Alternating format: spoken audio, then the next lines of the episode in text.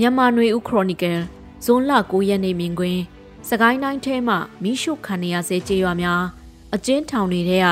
ရိုက်နှက်မှုအသက်ဆုံးရှုံးမှုတွေဆိုတဲ့အကြောင်းကိုဖတ်ကြားပေးပါမယ်။အခုရက်ပိုင်းထဲမှာစကိုင်းတိုင်းထဲကကြေးရွာတွေဆက်လက်မိရှုခံရရစေဖြစ်တာသတင်းတွေထဲတွေ့နေရပါတယ်။စကိုင်းတိုင်းကပ်မလို့မြို့နယ်တွေကကြေးရွာ9ရွာမှအိမ်ချေ900ကျော်ခုသတင်းပတ်တွင်မိရှုခံရတယ်လို့သတင်းထဲဖော်ပြထားတာတွေ့ရပြီး တစင်မြို့နယ်တွေကမီးမလောင်သေးပဲကြာနေသေးတဲ့ကျေးရွာချို့လဲခုရက်ပိုင်းမှာမီးရှို့ခံရတယ်လို့ဒေသခံတွေရဲ့ပြောဆိုချက်အရသိရပါဗျ။စစ်ကောင်စီအနေနဲ့ပြီးခဲ့တဲ့နှစ်ကစလို့အခုလက်ရှိချိန်ထိစကိုင်းတိုင်းတွေက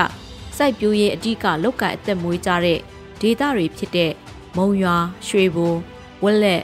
ဒီပဲရင်ရေဦးခင်ဦးဒဇယ်ပလဲမြမပင်စလင်းကြီး ကဏီစတဲ့မြို့နယ်တွေထဲကကြေးရွာပေါင်းရာချီလူနေအိမ်ပေါင်းတောင်းချီပြီးမိရှုဖြစ်စီခဲ့ပြီးဖြစ်သလိုကြေးရွာတွေကကာကွယ်ရေးအဖွဲ့ဝင်တွေရောအဖွဲ့ဝင်မဟုတ်သူတွေရောရာပေါင်းများစွာတပ်ဖြတ်ခဲ့ပြီးဖြစ်ပါတယ်။ PDF တွေဖက်ကလည်းစစ်ကောင်စီတပ်တွေ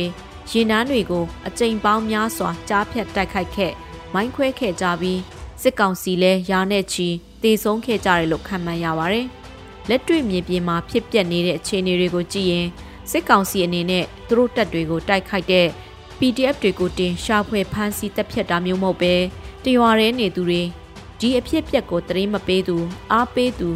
ထောက်ခံသူတွေကိုပါ PDF လို့ဆွဆွဲတပ်မှတ်ပြီးတပ်ဖြတ်တာမျိုးလှုပ်ဆောင်နေခြင်းဟာ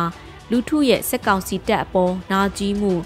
လက်တော့ပြန်တိုက်ခတ်ဖို့ဘိုင်းဖြတ်မှုတွေကိုဖြစ်စေတဲ့အကျိုးဆက်တွေပေါ်ထွက်လာမှာဖြစ်ပါတယ်။စကိုင်းတိုင်းမှာစစ်ကောင်စီကစစ်တိုင်းမူလဲပြီးလှုပ်ဆောင်တာအပြင် ဒီစစ်တိုင်းတွေကိုတာဝန်ယူအမိန့်ပေးတဲ့ကဆထမှုဒူးပိုချုပ်ကြီးလိုအစ်စ်မျိုးတောင်အနာပေးလဲလဲပြီးခြေမုံတာကြေးရွာတွေဖျက်ဆီးတာပိုင်ဆိုင်မှုတွေယူဆောင်တာတွေလှုပ်ဆောင်နေတာဖြစ်ပါတယ်။တစ်ဖက်မှာလည်းဒီကြေးရွာကပြည်သူလူထုကိုဘယ်သူတွေဘယ်လိုကာကွယ်နိုင်မလဲဆိုတဲ့မိခွန်းကပေါ်ထွက်လာပါတယ်။ဒီလိုတပ်ဖြတ်ခံရတဲ့အခြေအနေနေအိမ်တွေကြေးရွာတွေမိရှုဖျက်ဆီးခံရ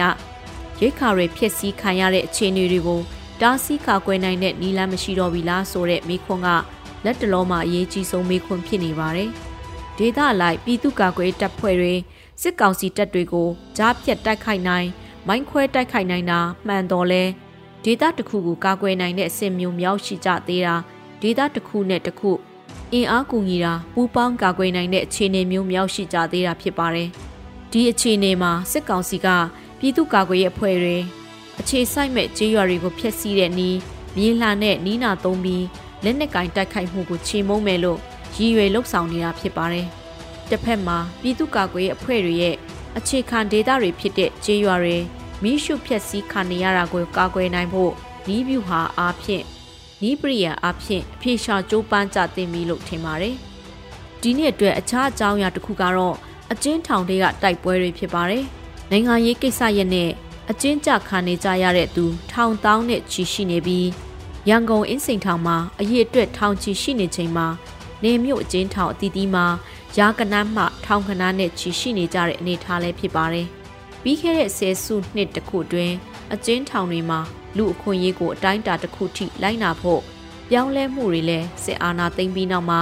တဲတဲရေသွင်းသလိုဖြစ်သွားစေတဲ့သဘောတွေ့နေရပါတယ်။အကျဉ်းထောင်တွေရဲ့ထောင်ပိုင်ညှို့မှုတွေကို စစ်တပ်ကအသွင်ပြောင်းလာသူတွေကိုခန့်အပ်တာတွေပိုများလာသလိုအဓိကကျတဲ့စီမံအုပ်ချုပ်တဲ့ယာထူးတွေကိုစစ်တပ်ကအသွင်ပြောင်းပြီးအစားထိုးတာရန်ကုန်အင်းစိန်မန္တလေးအိုးဘိုထောင်တို့မှာနိုင်ငံရေးအကျဉ်းသားတွေနဲ့ပတ်သက်တဲ့ကိစ္စရပ်တွေကိုအကျဉ်းဦးစီးကစစ်ထောက်လှမ်းရေးတို့စီအစီရင်ခံရတာတွေကအရင်စစ်အစိုးရလက်ထက်ထောက်လှမ်းရေးခက်ကလိုအနေအထားမျိုးတွေပြန်ရောက်သွားတဲ့အခြေအနေဖြစ်လာနေပါတယ်။ခုရက်ပိုင်းမှာဖတ်အပ်အကျဉ်းထောင်မှာ နိုင်ငံရေးအကျဉ်းသားချို့တတိုင်းကိုကျိုးနဲ့ကြောတက်ပြီးထွက်ပြေးလွတ်မြောက်သွားတဲ့အဖြစ်ပြက်ဖြစ်ပွားပြီးကြံနိုင်ငံရေးအကျဉ်းသားတွေနဲ့အကျဉ်းထောင်အာဏာပိုင်တွေအကြားတင်းမာမှုတွေဖြစ်ပြီးအကျဉ်းသားတွေကိုနှိပ်စက်ရိုက်နှက်တာလေးခွနဲ့ပြစ်တာတွေရှိခဲ့တယ်လို့သတင်းတွေထဲထွက်ပေါ်လာပါတယ်။အဲ့ဒီအဖြစ်ပြက်သတင်းတွေထွက်ပေါ်ပြီးရက်အနည်းငယ်အတွင်းမှာပဲမန်းလေးအိုးဘိုတောင်မှာလဲအကျဉ်းထောင်ဝန်ထမ်းနဲ့နိုင်ငံရေးအကျဉ်းသားစကားများရာက အကျဉ်းသားကိုထောင်ဝန်ထမ်းတွေကရိုက်နှက်တာဓားနဲ့ထိုးတာတွေရှိခဲ့တဲ့သတင်းထွက်ပေါ်ပြီးနှစ်ဦးသေဆုံးကအချို့ဒဏ်ရာရတယ်ဆိုတဲ့သတင်းတွေလည်းထွက်ပေါ်လာခဲ့ပါတယ်။ဒီအဖြစ်အပျက်တွေကထောင်တွင်းမှာနိုင်ငံရေးအကျဉ်းသားအများပြားဖမ်းဆီးထိန်းသိမ်းခံခဲ့ရတဲ့ကာလတွေဖြစ်တဲ့1960နှောင်းပိုင်း1980ခုနှစ်နှောင်းပိုင်းကာလတွေတုန်းကထောင်တွင်းတိုက်ပွဲတွေကိုပြန်နှိုင်းရှင်စရာတွေဖြစ်စေပါတယ်။1960ခုနှစ်တွေတုန်းက ကိုကိုးကျွန်းမှာထောင်တွင်းတိုက်ပွဲတွေလာနဲ့ချီဖြစ်ပွားခဲ့ပြီးအချို့လည်းအစာငတ်ခံတိုက်ပွဲမှာကြာဆုံးခဲ့ကြရတဲ့တာရကတွေရှိခဲ့ပါတယ်။1985 86ခုနှစ်တွေကចောင်းသားအရေးခင်းတွေပြီးနောက်အကျဉ်းထောင်ထဲမှာဆန္ဒပြចောင်းသားတွေ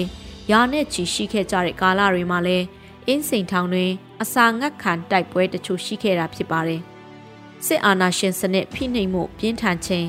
စစ်အာဏာရှင်ဆန့်ကျင်ရေး နိုင်ငံရေးလှုပ်ရှားမှုအားကောင်းချိန်မှာအကျဉ်းထောင်ထဲထိတိုက်ပွဲတွေရောက်ရှိခဲ့ကြတယ်လို့ကောက်ချက်ချမယ်ဆိုချနိုင်ပါတယ်။အခုကာလမှာလည်းအကျဉ်းထောင်တွေထဲနိုင်ငံရေးအကြောင်းကြောင့်ဖမ်းဆီးထိန်းသိမ်းခံရသူ